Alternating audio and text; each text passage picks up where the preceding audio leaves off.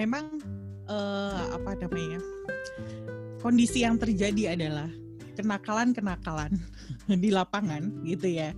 Itu ya nggak bisa kita indahkan ya. Pasti akan ada aja. Nah kalau istilahnya di kampus nih, mungkin teman-teman di kampus kita suka mengistilahkan adalah kita siapkan marketing intelijen. Jadi kita siapkan intelijen intelijen yang memang harus cek pasar. Benar nggak sih produk kita masuk ke market tersebut? Bukan hanya ke marketnya, bukan hanya ke mitranya, tapi juga eh, pandangan-pandangan mitra tadi gitu kan ya pandangan mitra-mitra tadi terhadap produk gitu kan ya termasuk market terhadap produk dan kita juga memantau kok para kompetitor kita gitu ya. Jadi para marketing intelijen teman-teman yang nanti mungkin bekerjanya kalau misalnya sudah masuk ke dunia pekerjaan, masuk ke dalam dunia marketing intelijen itu hal yang paling menarik. Dibayarin kantor, keliling-keliling nyobain banyak makanan. Nah, kalau usaha atau bisnisnya makanan ya mungkin nyobain makanan. Terus kemudian mengcompare katanya sih cari uh, mencela-cela brand lah gitu. Tugas kita adalah mencari celah-celahnya brand gitu kan. Untuk kita jadikan uh, apa namanya bahan untuk introspeksi atau evaluasi di internal. Oke lanjut lagi ya. Nah uh, tadi kita sudah mulai masuk ke ranah komunikasi bahwa kreativitas itu sangat penting teman-teman di dalam membangun sebuah brand. Jadi bukan hanya kreativitas yang teman-teman harus ciptakan juga adalah integrasi anti integrasi di antara divisi. Nah, kenapa? Karena ketika kita membangun bisnis atau kita bekerja di dunia uh, apa namanya brand, kita nanti tidak sendiri. Markom itu tidak single fighter gitu kan. Marketing tidak sendiri. Kita akan disupport oleh tim-tim yang lain yang tujuannya adalah satu satu goalsnya adalah sukses di dalam perusahaan. Nah, kita akan pindah sedikit ke komunikasi gaya millennials. Ini lucunya janji jiwa ini, terutama yang kopi, itu namanya lucu-lucu, terus kemudian punya statement-statement campaign, campaign komunikasi yang menarik. Sebenarnya bahasa millennials itu ditemukan oleh siapa sih dan siapa sih di di belakang kekreativitasan itu? Oke, okay, silakan Mas. Jadi siapa di belakang uh, dari? Jadi kami punya tim markom yang cukup besar uh, kalau dibandingkan dengan uh, company-company sebelumnya yang saya kerja. Kenapa? Karena memang kita uh, mau memposisikan atau mengkomunikasikan uh, brand kami secara benar, secara tepat, gitu ya. Uh, jadi betul. Jadi kita itu harus punya brand personifikasi uh, yang kita pegang dan itu harus konsisten. Kami uh, tidak selama ini pakai konsultan gitu ya orang luar. Kami pakai teman apa tim kami sendiri karena kami percaya uh, pengetahuan akan satu dipupuk uh, baik dan, uh, siap dan teman-teman dari Markom ini memang kebanyakan memang adalah millennials betul uh, mereka uh, kami kami lebih memilih di manajemen kami lebih memilih uh, orang-orang yang punya passion yang besar mereka punya suatu dream yang besar uh, dan mau uh, berkembang uh, dari awal bersama dengan kami gitu. Mungkin kalau ada mungkin ada manajemen brand lain mungkin mencari yang udah profesional banget gitu ya ngerti tentang uh, asam garam dunia permarkoman gitu. Kalau kami uh, kami kami belajar untuk untuk berkembang bersama mereka. Nah, mungkin banyak trial and error, tapi it's okay, it's the cost that we have to pay. Uh, lalu mengenai bahasa komunikasi tadi, apakah itu milenial atau enggak? Sebenarnya setiap brand tuh harus sudah tahu target market mereka. Menurut saya, kalau di Kopi Janji Jiwa sendiri itu marketnya sebenarnya nggak terbatas pada milenial ya. Kayak misalnya uh, papa mama saya juga mereka uh, sebenarnya gara-gara corona kemarin sih, gara-gara corona mereka di rumah beli satu liter akhirnya mulai jatuh cinta begitu. Uh, apa namanya? Nah hal-hal yang ini uh, yang penting tadi itu sih brand komunikasi brand personifikasi uh, harus dikuatkan. Tapi memang bahasa yang dipakai itu kalau dibilang milenial mungkin kita lebih kayak serius tapi cool tapi santai gitu kali ya. Mungkin kalau dibandingkan dengan brand-brand lain kalau teman-teman tahu tuh ada yang bahasanya rada sayang-sayang pakainya say atau misalnya pakainya honey atau apa gitu kalau kita sebenarnya masih lebih agak uh, corporate dikit sih actually, you know.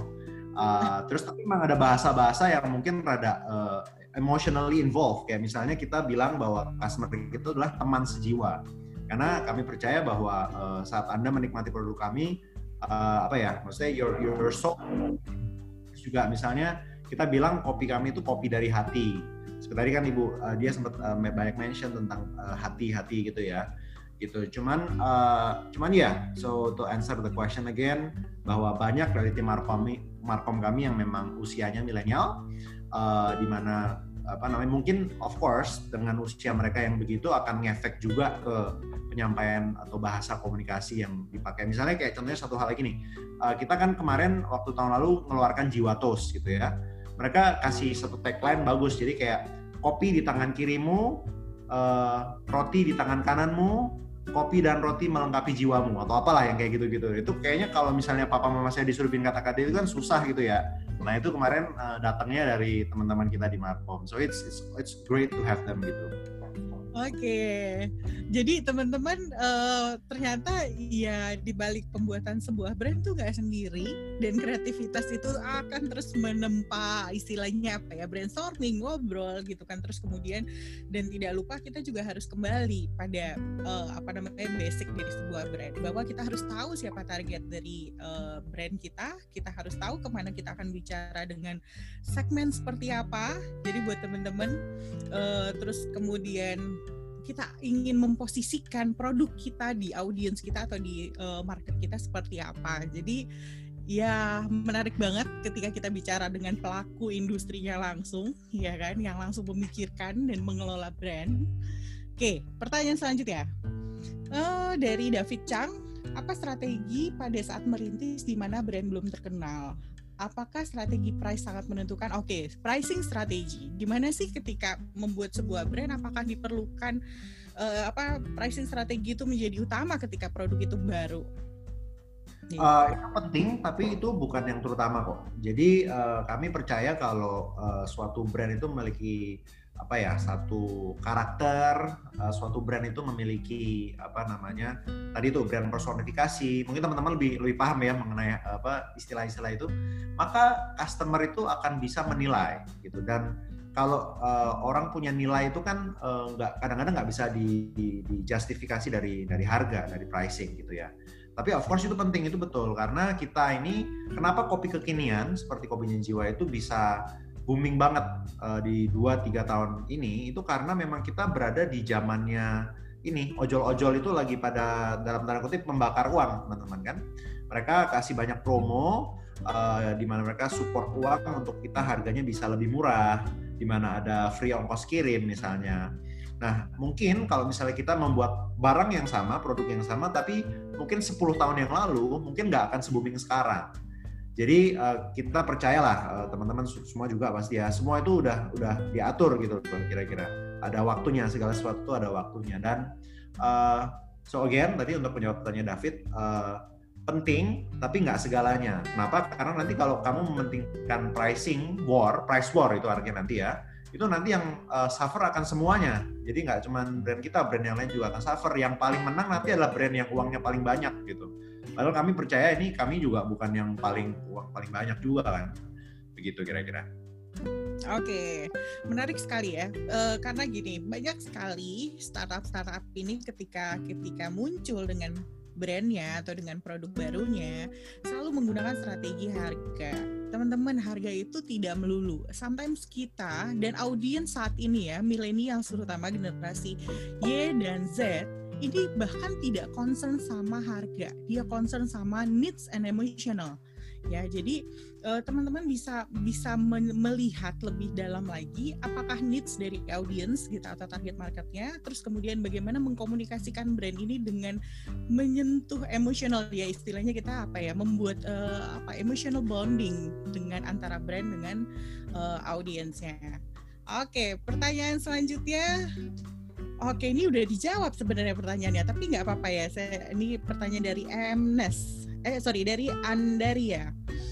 Halo, mau tanya awal mulai janji jiwa muncul itu gimana? Apakah langsung dengan banyak outlet? Tidak. Saya yang jawab, Pak William, gitu kan ya. Jadi janji jiwa muncul itu di uh, kontainer kecil daerah Kedoya hanya satu dan suami istri berjuang untuk menciptakan kopi terbaik yang bisa dinikmati oleh banyak orang gitu ya. Dengan munculnya Mas William dan tim-tim tim lainnya gitu kan ya. Jadilah strategi strategi bisnis atau strategi brand yang akhirnya bisa sampai ke dua tahun ini 800 outlet di 33 provinsi. Udah saya record. Oke. Okay. Kalau gitu saya di hire nih kayak bentar lagi ya. Oke, okay, terus pertanyaan berikutnya. Apakah kiat sukses marketing dari Jiwa Group adalah menggunakan influencer atau lainnya? Nah, apakah kiat sukses marketing Jiwa Group dari influencer adalah dari sosok influencer? Nah, gimana nih penggunaan influencer? Okay, dari Elpa Sianipar. Oke, okay, uh, eh, jadi kita di Kopi dan Jiwa atau di Jiwa Group kita uh, memakai Sorry, ya. I don't understand. Satu handphone.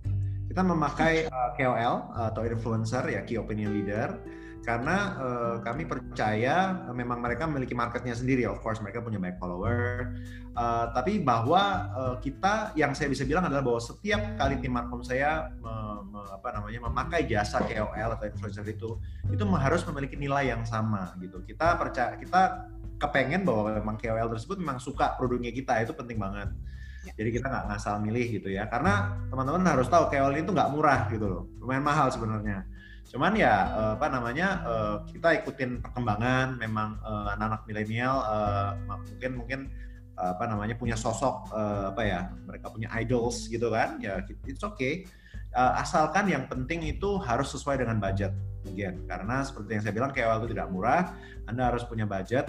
Di awal bayangin kami uh, start dari kontainer tadi tuh nggak kuat kita bayarin KOL ya udah nggak usah nggak usah pakai KOL dulu lah kan gitu. Nanti kalau memang sudah uh, punya budgetnya baru kita uh, coba pakai KOL tapi ya of course uh, frekuensinya bisa diatur gitu ya jadi gitu jadi yes it's important but it's not everything gitu. oke okay. Nah, melanjutkan dari cikal bakalnya KOL nih, kita ngomongin tentang digital media menjadi salah satu lahan promosi atau media yang dipilih untuk berpromosinya janji jiwa. Oke. Nah, sampai muncullah KOL, influencer dan lain-lain gitu loh karena ada digital medianya. Nah, sebenarnya Janji Jiwa sendiri uh, strategi untuk promosinya apa aja sih gitu kan ya. Terus kemudian digital media ini apakah menjadi dominan karena kalau misalnya melihat target audiensnya mungkin lebih besar atau lebih banyak di ranah milenial sih. Gimana Mas William? Oke, jadi kalau di uh, Jiwa Group kami itu yang penting adalah tepat guna dan tepat sasaran gitu ya.